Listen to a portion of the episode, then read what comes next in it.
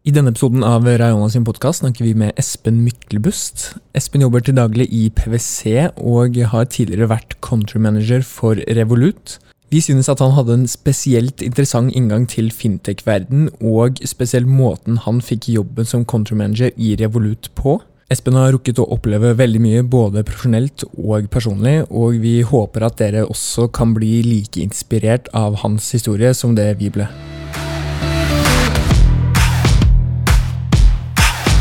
Espen, Halla. velkommen til uh, Myntgata og Share. Tusen hjertelig. Takk for at du tar en prat med oss eh, i dag. Det nærmer seg slutten på sommerferien, og folk går sakte, men sikkert til, eh, tilbake til jobb. Um, men det første må vi jo, det må vi jo prate om, og det er jo Jeg vil jo kalle deg mannen med barten her nå, for det skjedde jo et uhell før helga. Kan, du- kan du fortelle oss litt om det, eller?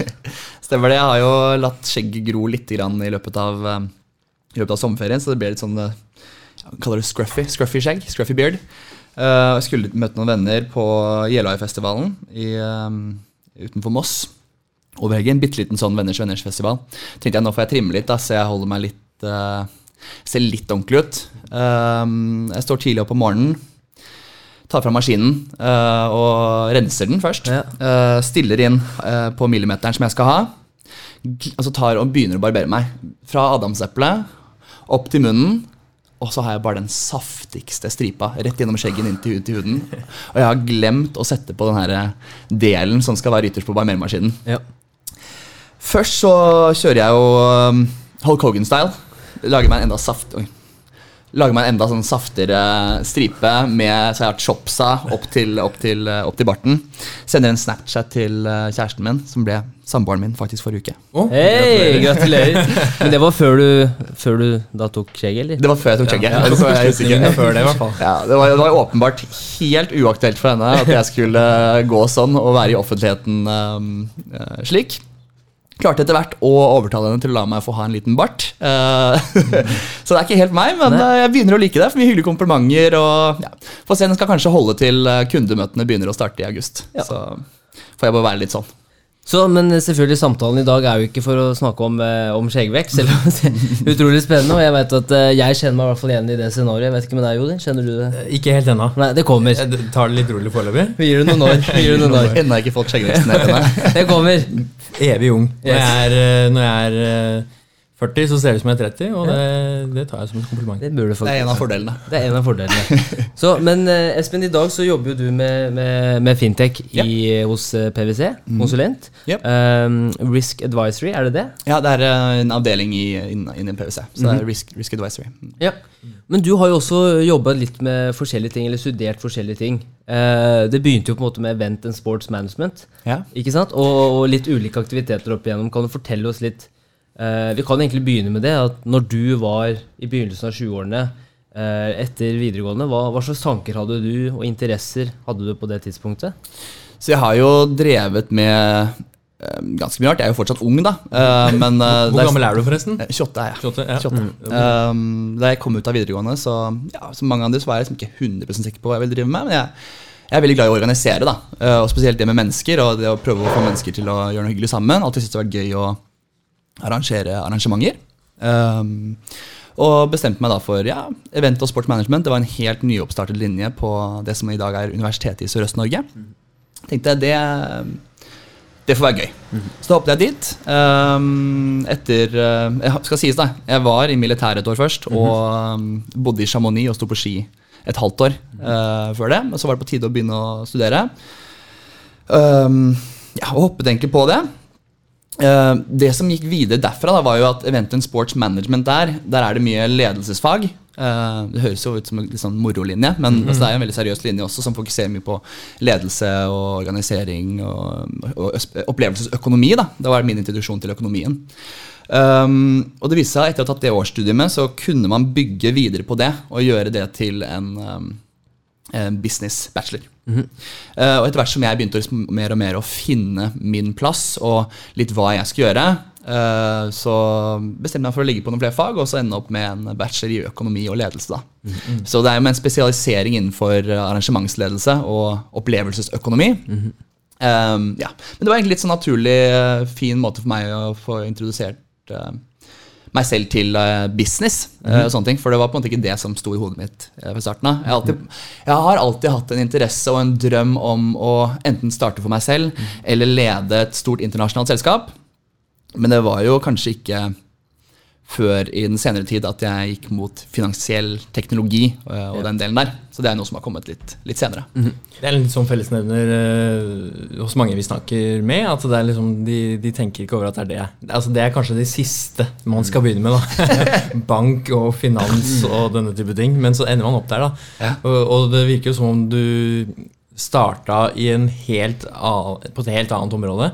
Og så peila du deg litt inn eh, på økonomi, som du nevnte. da Men eh, så har du gjort veldig mye etter det, og sikkert samtidig også. Men hva, hva gjorde du rett etter studiene?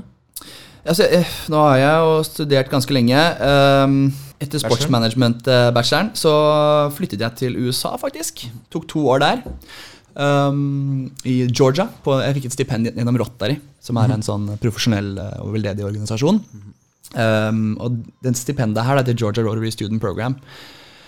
Og det de gjør, da, det er at de finner utenlandske studenter, eh, og så bringer de en haug med utenlandske studenter sammen i Georgia for de skal møte hverandre eh, og få aksept og forståelse for andres kulturer. Og Så studerer man der et år, og så drar man tilbake til hjemlandene sine eh, etter å ha studert et år i USA. Så Det er for å skape aksept og ja, prøve å bringe kulturer sammen. Jeg likte jo det såpass godt eh, at jeg ble der i to år. Og mens jeg var der, så fokuserte jeg mye mer på økonomifag. Jeg møtte en eh, lærer der som het Whitney Boozer. het hun. Whitney Douglas Boozer. Dr. Boozer. Høres bra ut. Hun var, hun var ganske rå. Og hun, hun, hun et, fikk jo en liten sånn intro til økonomi og sånt eh, i første året mitt som student, men der fikk jeg virkelig kjærligheten for økonomi. da, Og spesielt samfunnsøkonomi eh, og developmental economics. Hun var veldig veldig flink og introduserte mye kule bøker og sånt som jeg leste. Eh, så jeg var to år der. Uh, studerte økonomi uh, og koste meg med the American College Life. Jeg levde det fullt ut. Eh, uh, kom tilbake til Norge da, og fikk eh, kombinert da, alle disse fagene jeg tok i USA, med de fagene jeg tok eh, på Event og Sports Management. Og gjorde de til en bachelor i økonomi og ledelse. Ja.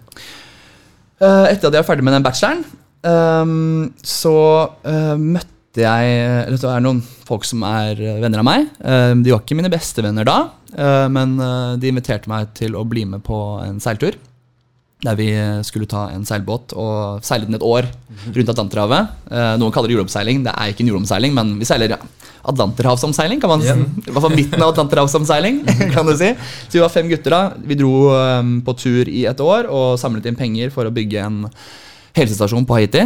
Uh, og det var jo en, en av stoppene på veien. Vi samarbeidet med en norsk uh, veldedighetsorganisasjon som heter uh, Prosjekt Haiti. Som gjør en fantastisk jobb der nede. De driver flere skoler for folk som ikke har råd til vanlige skolepenger i Haiti. Og mm, ja, veldig mye eh, kule tjenester som mikrolån til kvinner. Hjelper kvinner å sette opp businesser. Eh, og, ja, vi dro iallfall ned dit. ehm, seilte inn til St. Louis du Syd. Og det her området vi seilte til Vi var den første seil utenlandske seilbåten siden 1987 som seilte til det området her. Så det var ganske stor oppstandelse da vi kom inn der. Det var kanskje 200 mennesker som sto på stranden og bare Oi, hva er det som skjer her? Eh, borgermesteren kom ut med, med vennene sine i en sånn liten motorbåt. Ja. Kom om bord i båten vår og fikk se alt sammen. Tok oss med rundt. Da. Han var på en måte guiden vår i de dagene vi var der. Så Vi var og så der, fikk se på det lokale um, der hvor uh, Prosjekt Haiti skulle bygge, um, skulle bygge den helsestasjonen. uh, som er ferdig bygd nå og hjelper mange mennesker uh, hver dag den er åpen. Kjempekult prosjekt. Um, ja, Var der noen dager før vi stakk videre på tur, egentlig. Og, ja, en av de kuleste opplevelsene i mitt liv, altså å være, på, være på Haiti. Så det var, Vi seilte i hvert fall fra Norge til Storbritannia, ned kysten av Europa. Krysset Atlanterhavet til Karibien. Var i Karibien i noen måneder. Opp til USA. eh, Bermuda, Azorene, og så gjennom Europa, eh, hjem til Norge. Så en av de absolutt kuleste tingene jeg har gjort. Og vi som dro på tur sammen, eh, er jo brødre for livet. Ja. Det var en helt Et helt år? Et helt år.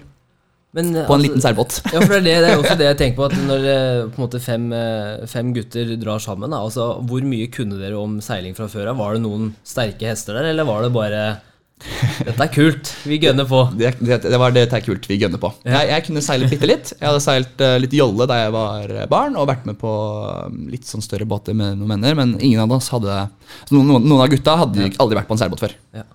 Um, ingen av oss hadde relevant seilerfaring, eh, men um, man lærer seg fort å seile. Det som jeg vil ikke si da, at seiling det er ikke så vanskelig å lære seg basic seiling. Nei. Det kan jeg lære deg på et par timer. Bli med ut i båten min, jeg lærer deg å heise seil, jeg lærer deg hvordan vindretninger fungerer, og hvordan du navigerer på havet, hvordan du ser etter skjær og sånne ting. Det er det du trenger. På langdistanseseiling så er det mye viktigere å vite hva gjør du hvis shit hits the fan? Sant? Hva gjør du hvis roret brekker? Hva gjør du hvis du seiler inn i en hval? sant? Eh, hva gjør du hvis, hvis, hvis seilet revner da, midt i en storm? Hva gjør du hvis masten knekker? Det er de tingene her som er viktigst å kunne. Um, det som er vanskelig med seiling, er jo å seile fort. Ja. Og det er ikke så farlig på langdistanseseiling. Vi skal bare ha seilet oppe ved å komme oss dit eh, vi skal, uten, å, uten å skade oss. Ja. Og det får man til, altså. Ja. Um, selv om man ikke har mye erfaring. Og det gjorde dere.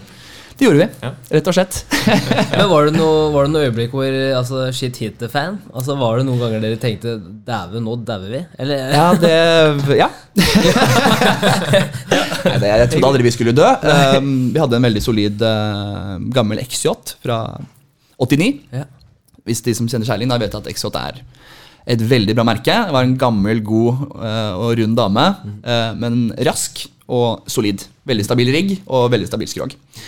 Um, og, men på vei hjem over Atlanterhavet, da hadde vi vel det skumleste øyeblikket. Eh, For da, man er jo flere uker ute på havet sant, når man krysser. Første gang vi krysset havet, så var vi 25 dager ute på havet uten å se land. Andre gangen så var vi vel 14-15 dager. Jeg husker ikke helt sikkert akkurat hva det var. Men ja, du er en stund ute, da. Eh, og vi brukte ikke motor da, vi, da vi var ute på havet. Så vi ser jo da etter at vi har vært der omtrent en uke ute på havet, at eh, nå kommer det en skikkelig storm her. Direkte retning oss. Den kommer til å treffe oss. Båten vår er ikke rask nok til å seile vekk fra stormen. Nå må vi bare sitte fint i det. Og da er vi midt ute på havet, altså en uke før land.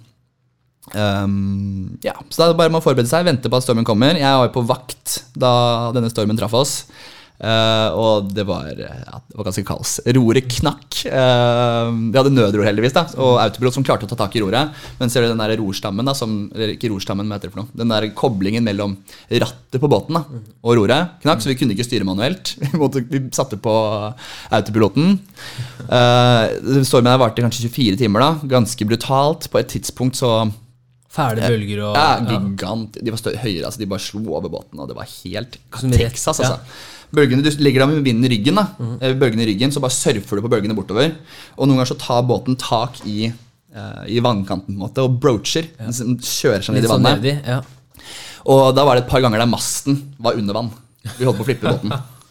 Uh, og det ene av de broachene, da, uh, da ble um, Han ene lå og sov, eller prøvde å sove i hvert fall, i uh, midten av båten, da, i sofaloungen. Og han lå liksom inntil veggen, og båten ble, liksom, ble kastet over på motsatt side. Og han faller jo da fra ene siden av båten, hodet først, inn i bokhyllen på andre siden av båten og får seg en ganske saftig kutt uh, i panna og på hodet. Uh, vi har alt her på film, faktisk. Det, kan, det, ligger, det ligger på Facebook-siden til, eh, til båten vår. SY Solskinn heter det. Heter Facebook-siden, Hvis noen er interessert. Um, ja, det var ganske brutalt. Og da, da var det, Noen av gutta var da litt sånn ja, Litt dårlig samvittighet overfor eh, familien og sånne Ja. ting. uh, selv om vi skjønte at det kom til å gå fint, men det var brutalt. altså Mye bevegelse og ja. Hva tenker du da? Du er i det øyeblikket her? For jeg, bare tanken på det der gjør meg båtsjuk. ja, jeg blir også veldig båtsyk, så jeg var um, Ja, hva tenker man da? Det var jo bare egentlig Du er i in the moment, da, eh, rett og slett. Eh, det hjelper ikke å gi opp og bare sette deg ned og gråte. Du må bare holde ut og ta de forhåndslegger du kan ta. Eh, følge med på at riggen holder. Um, ja, pass på at alle er stroppet inn i båten og ikke faller over bord. Um, ja. Følge rutinene. Følge, det man, følge, følge det man har øvd på. og ikke, ikke miste kontrollen. Da. Eh, da kommer alt til å gå fint. Går båten ned, Ja. selv om det er ekstremt liten sjanse for, så har man en nødflåte. Ja. Du kan hoppe i nødflåten, og da har du en sånn nødpeilesender som du skrur på. Da kommer det noen og hjelper deg, antageligvis innen 24 timer.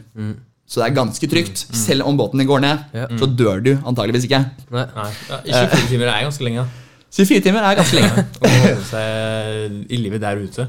Ja, um, det er lenge. Um, men sånn det, viktigste, altså, det viktigste er bare at um, Følg rutinene. Og det mange, har sett, mange ser, da, selv de som forlater båten sin fordi det blir for heftig, uh, ofte så finner de båten deres igjen flere uker senere. Båtene flyter. Ja, De er laget for å holde der. Mm. Uh, selv om båten flipper rundt og ligger på hodet, så flyter den. Ja. Eh, så ja, det handler bare om å holde, holde, holde seg rolig og Stick to the plan. stick to plan, ikke gi opp. Du, du virker jo som en veldig optimistisk og positiv og sprudlende fyr. Altså sånn, eh, eh, og det er noe vi ser også med alle vi har prata med, at de har veldig De tenker alltid positivt. Hva er det, sant, når, når de spør hva er det verste som kan skje, så er det bare for å ta en forhåndsregel, ikke for at de tror at det kommer til å skje. Eh, har du alltid vært sånn? Ja, det tror jeg absolutt. Ja, jeg tror, jeg vet. Eh, jeg, det får jeg høre eh, av venner og familie. Eh, at um, ja, det den Jeg liker å ha den holdningen. Hvis man skal være negativ på ting, så kommer man seg ingen steder i verden. Uh, og de mulighetene jeg har fått i livet mitt, uh, hadde jo ikke jeg hatt hvis jeg ikke hadde hatt um, håp og håpet på at altså, og gått for det beste, på, på, beste mulige løsningen. Da, beste Ja. mulige utfallet. Så det er viktig for meg å bare ja, alltid tenke positivt på ting, og så må man heller ta det negative hvis det kommer. Ja. Hvis det skjer noe dumt. Har du, hatt noen, har du hatt noen solide forbilder opp gjennom oppveksten og i dag? Er det noen på en måte du har sett til som har gitt deg litt sånn ekstra krydder? på en måte? Litt ekstra krydder, ja, Ja. definitivt. Jeg har vært uh, ja, Første som popper inn i hodet mitt, må kanskje være pappaen min. Han, uh, Det er kanskje litt standard å si, men dere kommer kanskje skjønne hvorfor. da, når jeg forteller. Uh, han, han brakk ryggen da han var yngre enn meg. Da han var jeg vet ikke, rundt 22-23. Uh, ble lam i bena. Paraplegiker. Eh, og endte opp på Sunnaas sykehus da, eh, som rehabiliteringssenter. Der møtte han to andre menn som også hadde eh, skader i bena, eller skader i ryggen. da. Den hadde polio, og den andre hadde vært en bilulykke, tror jeg. Eh, så ingen av de kunne gå, men de satt i rullestoler. Og de så da at rullestoler, det er eh, Det er ikke så bra laget. Det er mye ræl ute på markedet der. Vi kan gjøre det her bedre. Så de startet noe som heter Rullestolekspertene den gang. Eh, som lager da hjelpemidler for eh, funksjonshemmede. Eh, begynte med rullestoler eh, og utvidet seg etter hvert til omgang biler, heiser, alt mulig sånt rart. Eh, ble etter hvert hetende Handicare. Eh, og pappa jobber jo fortsatt der. Og det syns jeg er ganske inspirerende å se. da, at man, selv om man havner i en sånn situasjon da, der mange ville tenkt av, av oss som er funksjonsfriske mange, mange tenker da Oi, hvis jeg hadde havnet i en sånn situasjon, så ville jeg bare gitt opp.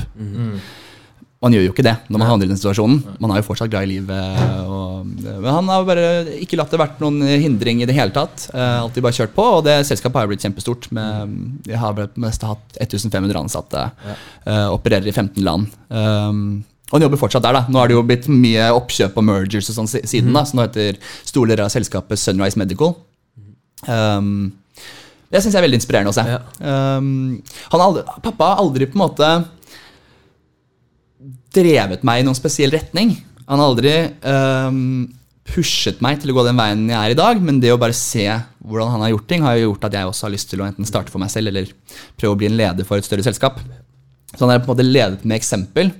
Uh, en annen person som på en måte har pushet meg litt mer, det er en familievenn som heter uh, Richard Erskine, som jobber i Equinor med, uh, med bærekraft. Med spesielt med, sol, solkraft da, i Equinor. Han har alltid sagt sånn Espen, det her må du gjøre, det her må du ikke gjøre. Um, og jeg har, kommet, jeg har alltid spurt han da, hver gang jeg har tenkt sånn, «Ah, hva tenker han om denne karriereplanen. Så har jeg alltid gått og så, enten ringt han da, eller spurt han hvis jeg har kommet inn på skole. så har jeg alltid ringt han, hva tenker du om det her? Og da er han veldig tydelig med meg da, og sier nei, ikke gjør det. Eller ja, Espen gjør det. Så det har hjulpet meg veldig veldig med å nå der jeg er i dag. Uh, ja, så det er veldig to kanskje hovedmentorene uh, mine da, uh, fra min, eh, mitt, mitt liv. Men sånn internasjonalt som, uh, var jeg veldig opptatt av Nelson Mandela og sånt da jeg var yngre. Uh, det her med bare hvordan, hvor viktig en eh, persons karakter da, er, for, er for deg, og det å tilgi.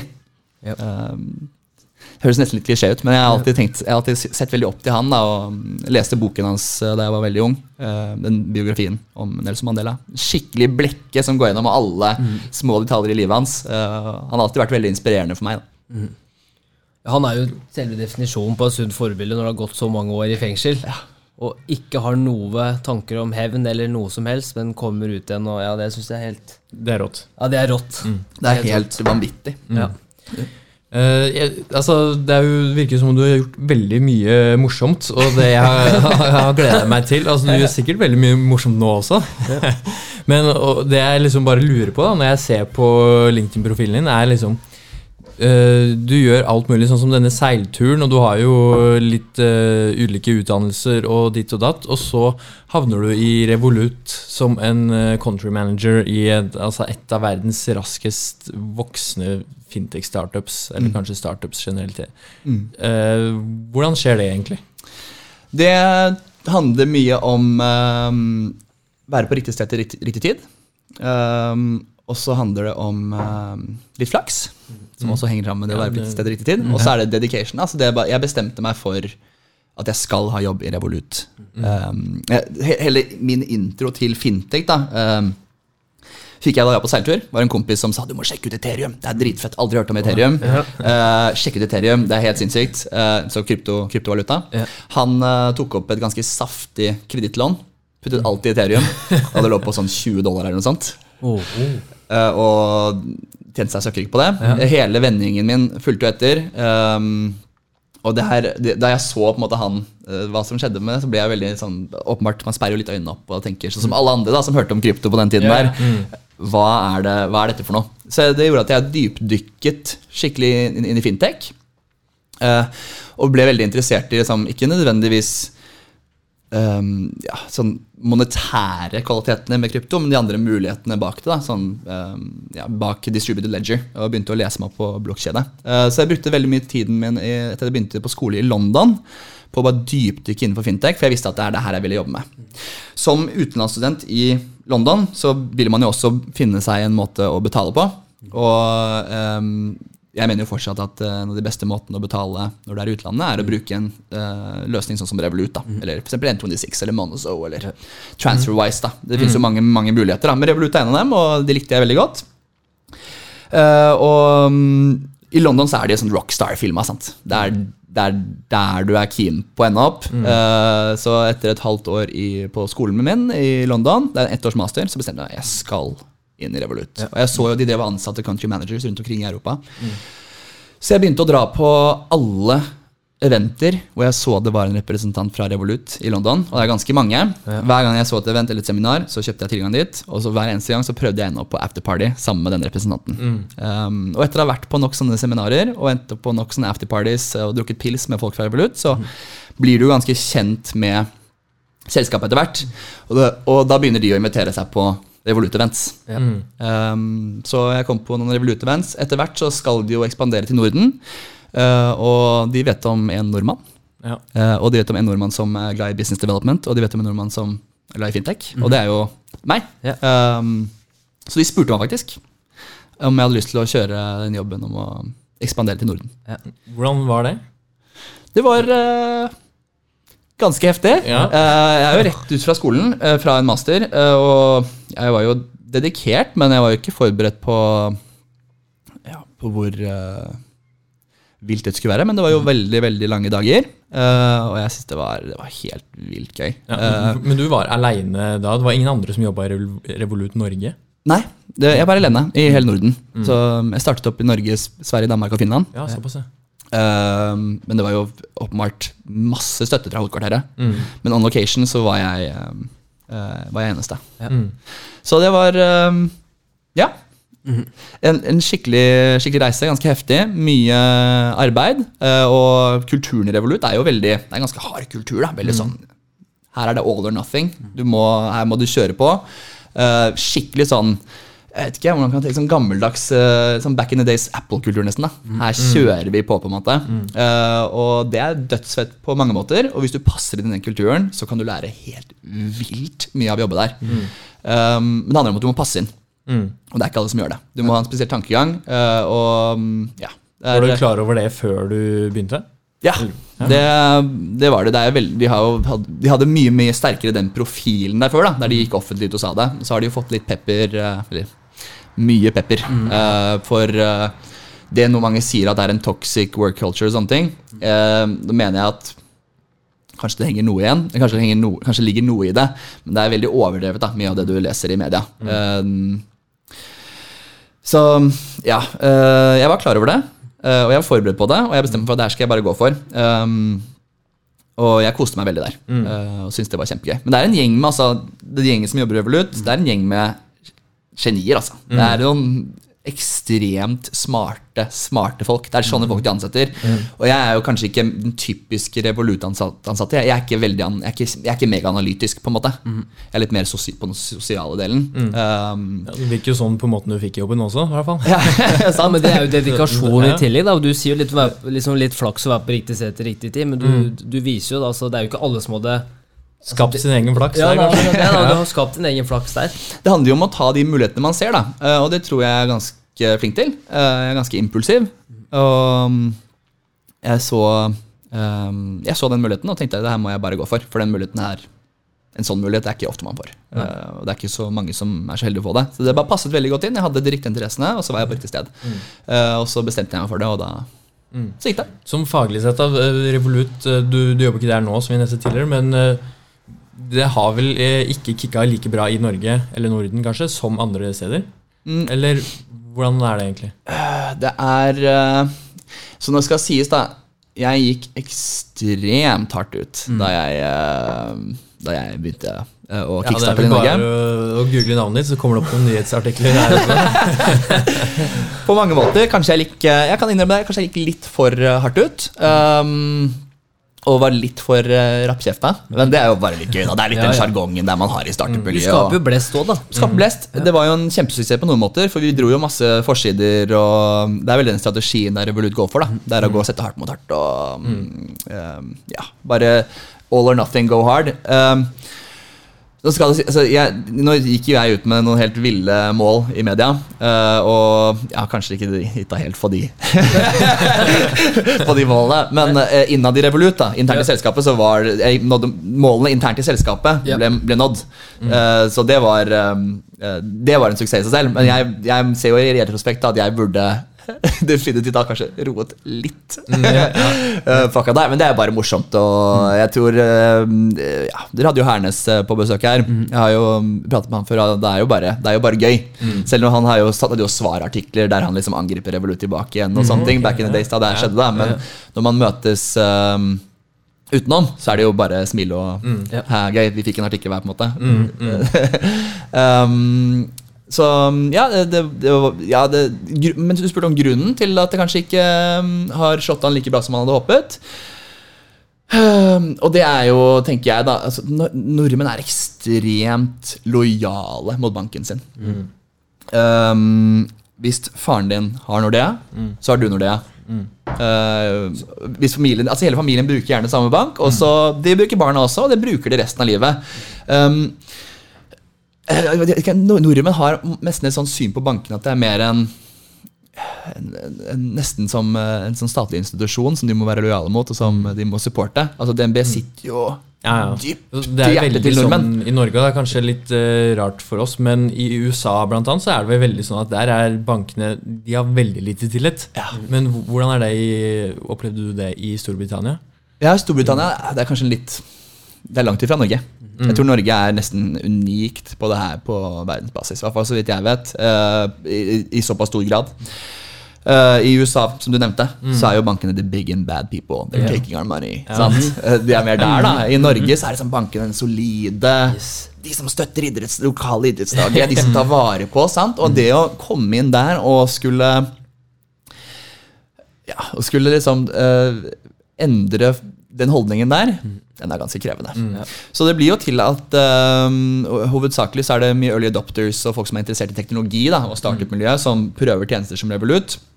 Um, vi har jo, eller vi, sier jeg, nå er det ikke vi lenger, eh, men de, uh, da, da jeg var der, hadde jo en mye, mye større vekst enn um, fintech-konkurrentene våre. Eh, sånn som uh, N26 satset jo eh, også litt på Norge. De, brukte, de, gjorde, de gjorde det veldig, på en helt annen måte enn oss, da, bare ved å kjøre ganske stor, eh, store online reklamekampanjer, som de har hatt suksess med i mange andre land. Men de så jo altså, omtrent ingen vekst Nei. i Norge. Uh, Lunar satset jo i Norge, de har gjort kjempebra i Danmark f.eks.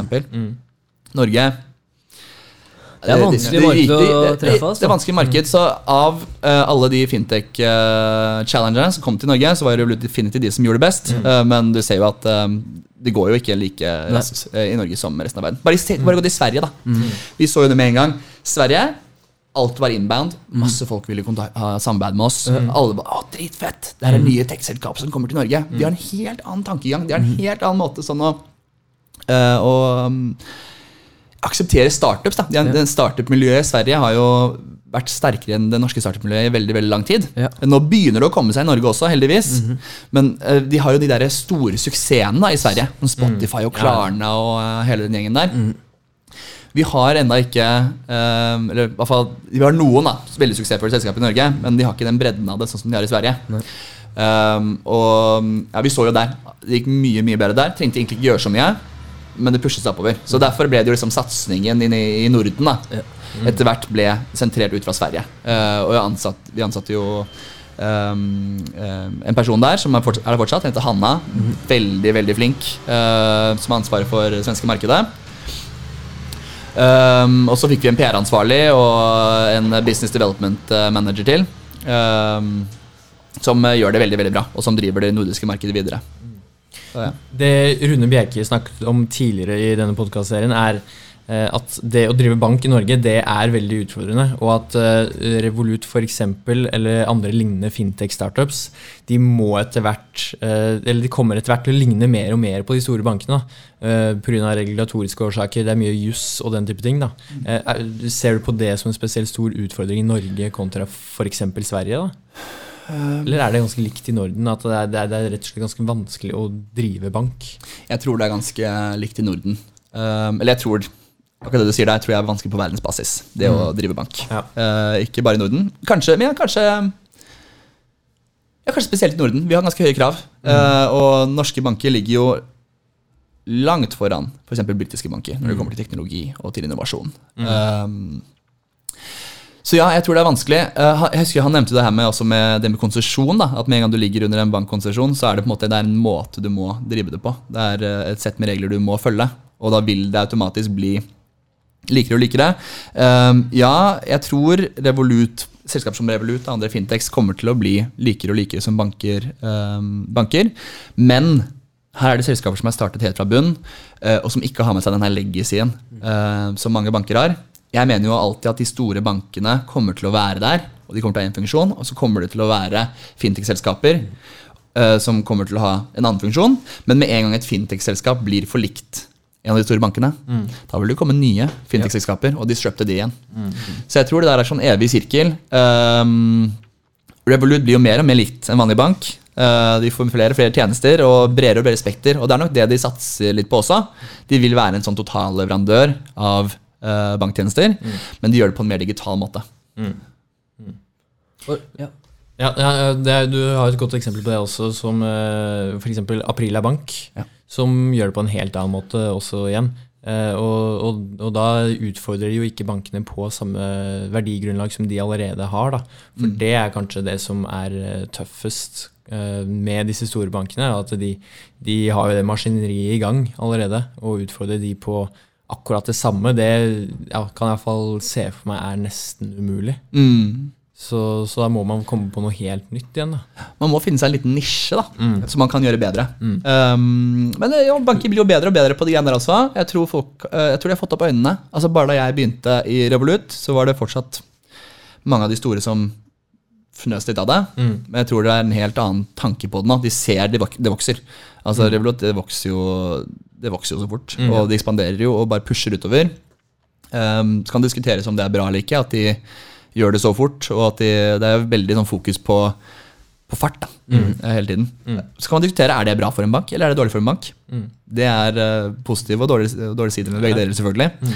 Um, Når du er så digital, så er det vel kanskje noe av tanken også. Da, da kan du skalere det veldig kjapt og veldig stort. Ja, og det er jo det hovedmålet til Revolut. De bryr seg ikke så mye om inntjening. Um, hvert fall Da jeg begynte, så var det null fokus på inntjening. Da jeg sluttet, så var det litt mer fokus på det.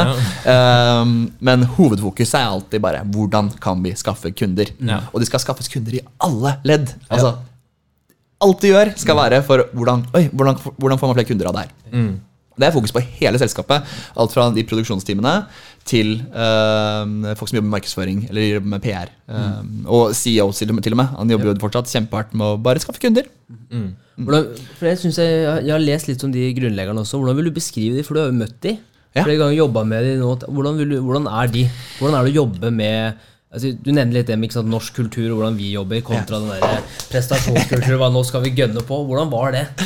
Det, um, det er morsomt, fordi uh, i media så fremstår f.eks. Nick. da Han fremstår litt sånn skikkelig sånn tøff. Men han er en god gutt, altså. Han er det.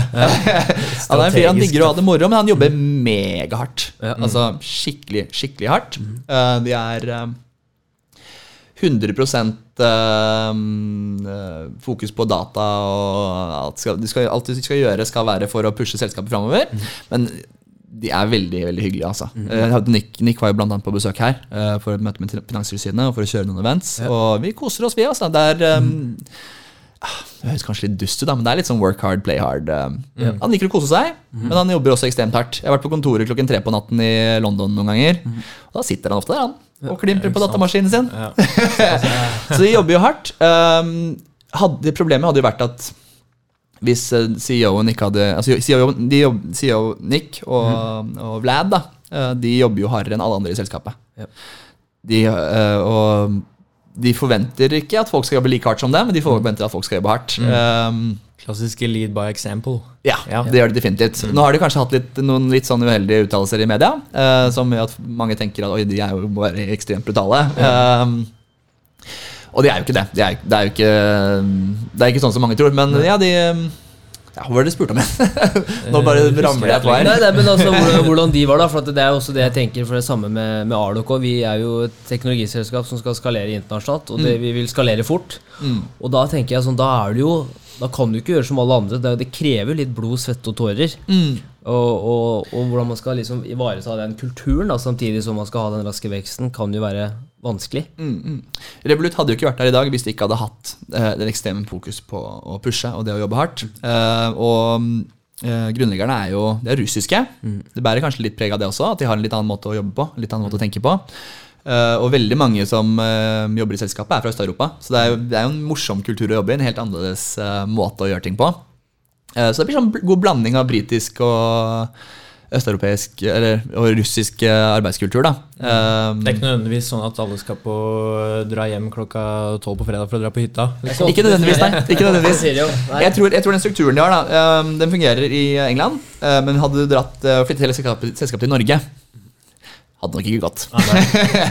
Hvis du tenker um, på en måte I Norge så har vi den der typisk 8-4, somre, hytter osv.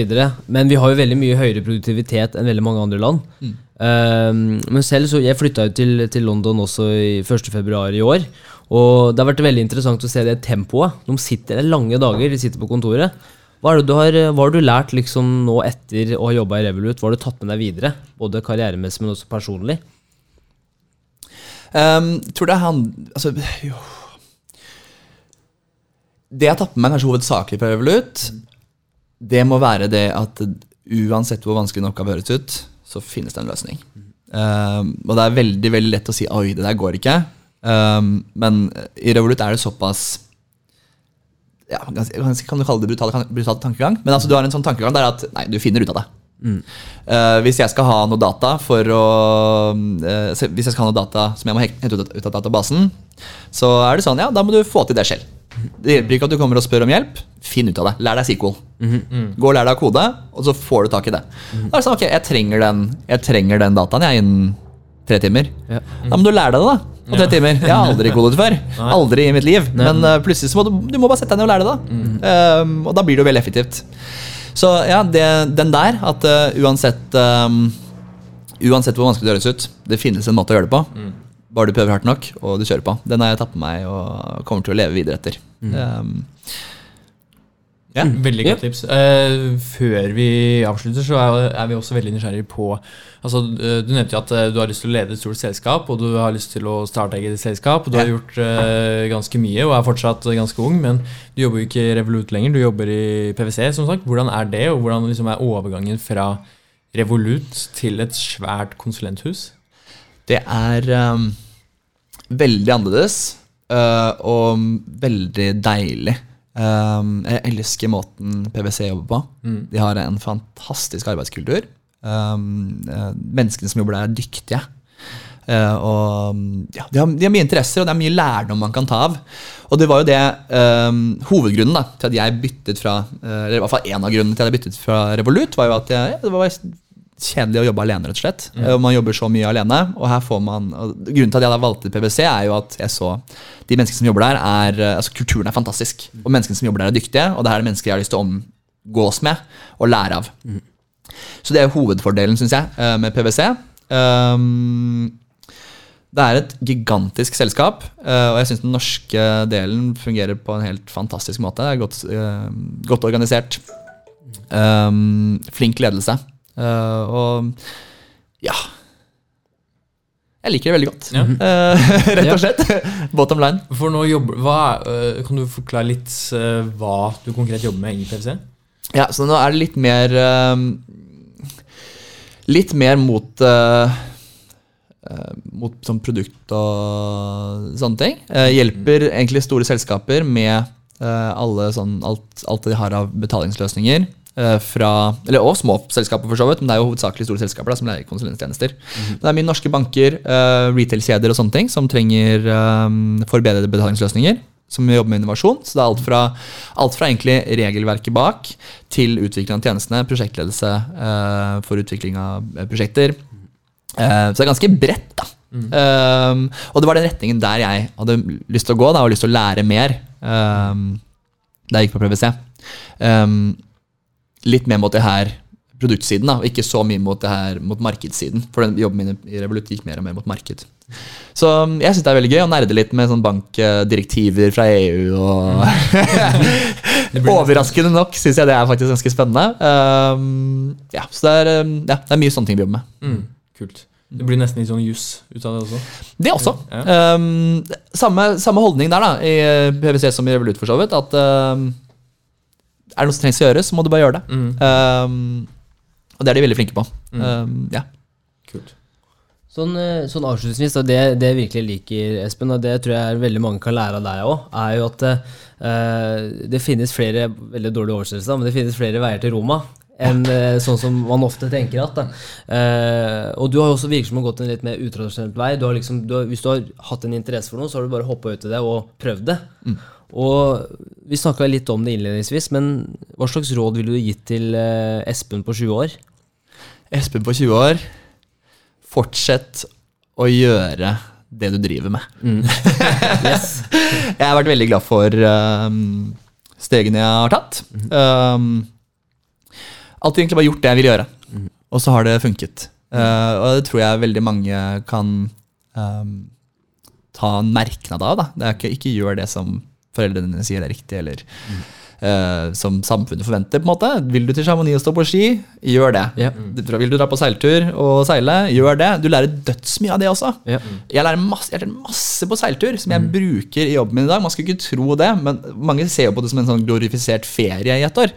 Men altså, jeg lærte så mye om teambuilding, hvordan jobbe sammen i en gruppe, konflikthåndtering. Ja. Altså det å bo oppå hverandre, fem stykker i en bitte liten seilbåt i et år. En måned før dere ser land nå. Ja, sant? Ja, eh, i 25 dager var vi på havet lengst. Sant? Bare, bare det, da. Vi hadde ikke en eneste krangel hele turen. Fordi vi jobbet fokusert og strukturert med det her helt fra starten av. Vi hadde samtaler en gang i måneden der vi tok oss et glass whisky og ga hverandre tilbakemeldinger. Og da var det ute av verden. Da hadde du fått den tilbakemeldingen, så kan du lære av det. Det høres ut som hyggelige medarbeidersamtaler også. Ja, ja, ja. Hvis, jeg, hvis jeg, plutselig sjefen tar meg til å si at nå skal vi ta et glass whisky, og så skal jeg gi deg noen konstruktive tilbakemeldinger, så sier jeg ja, det høres Eneste bra ut. måten å gjøre det på. Jeg skal legge det som forslag i PwC, faktisk. Ja, hver dag. Ja, det får du ta opp i PwC. Men, eh, men altså sånn hva, hva skal jeg si det, altså, hva gjør man for å, å ivareta det barnet i seg? da? For jeg tror det er veldig ofte, jeg merker det selv, at man begynner å tenke forpliktelser. og Nå, nå er jeg så gammel, så nå burde jeg vel egentlig ha gjort det. Nå burde jeg vel egentlig ha det på stell. Men hvordan kan flere folk på en måte kanskje ta seg, ta seg selv og, og, og tenke de tankene? da? Har du, noen, har du noen tanker om det? Ja, ikke vær redd for å gjøre forandringer, da, eh, tenker jeg. Um, ja, hvis du er, hvis du er eh, misfornøyd der hvor du er, hopp ut i det og bare prøv noe nytt. Da. Du bor i Norge, det, er, det finnes jo ikke noe bedre sted. Det finnes ikke noe tryggere sted å være. Om du skulle prøve noe nytt, og det skulle gå dårlig, vet du hva? du kommer til å klare det. Ja. Det kommer til å gå fint. Kanskje du har et, eh, ja, en litt kjip periode, men du kommer deg på bena igjen, og så kan du prøve å gå tilbake til det du drev med før, eller prøve noe annet. Så jeg tenker bare ikke være redd for å gjøre forandringer, og har du lyst til å gjøre noe, så bare gjør det. Jeg, jeg tenker at det er siste ord, jeg. Ja, bare gjør det. Bare gjør det. er Just do. Just do it. Just do it. Så Espen Myklebust, tusen hjertelig takk for at du tok deg tid til å snakke med oss. Takk for at jeg fikk være med. Ja, og Veldig, Henrik, veldig hyggelig. Henrik, som alltid, takk Det for er, at uh, er du også ble med. Det er eh, herlig. Det er herlig. Ja. Herlig.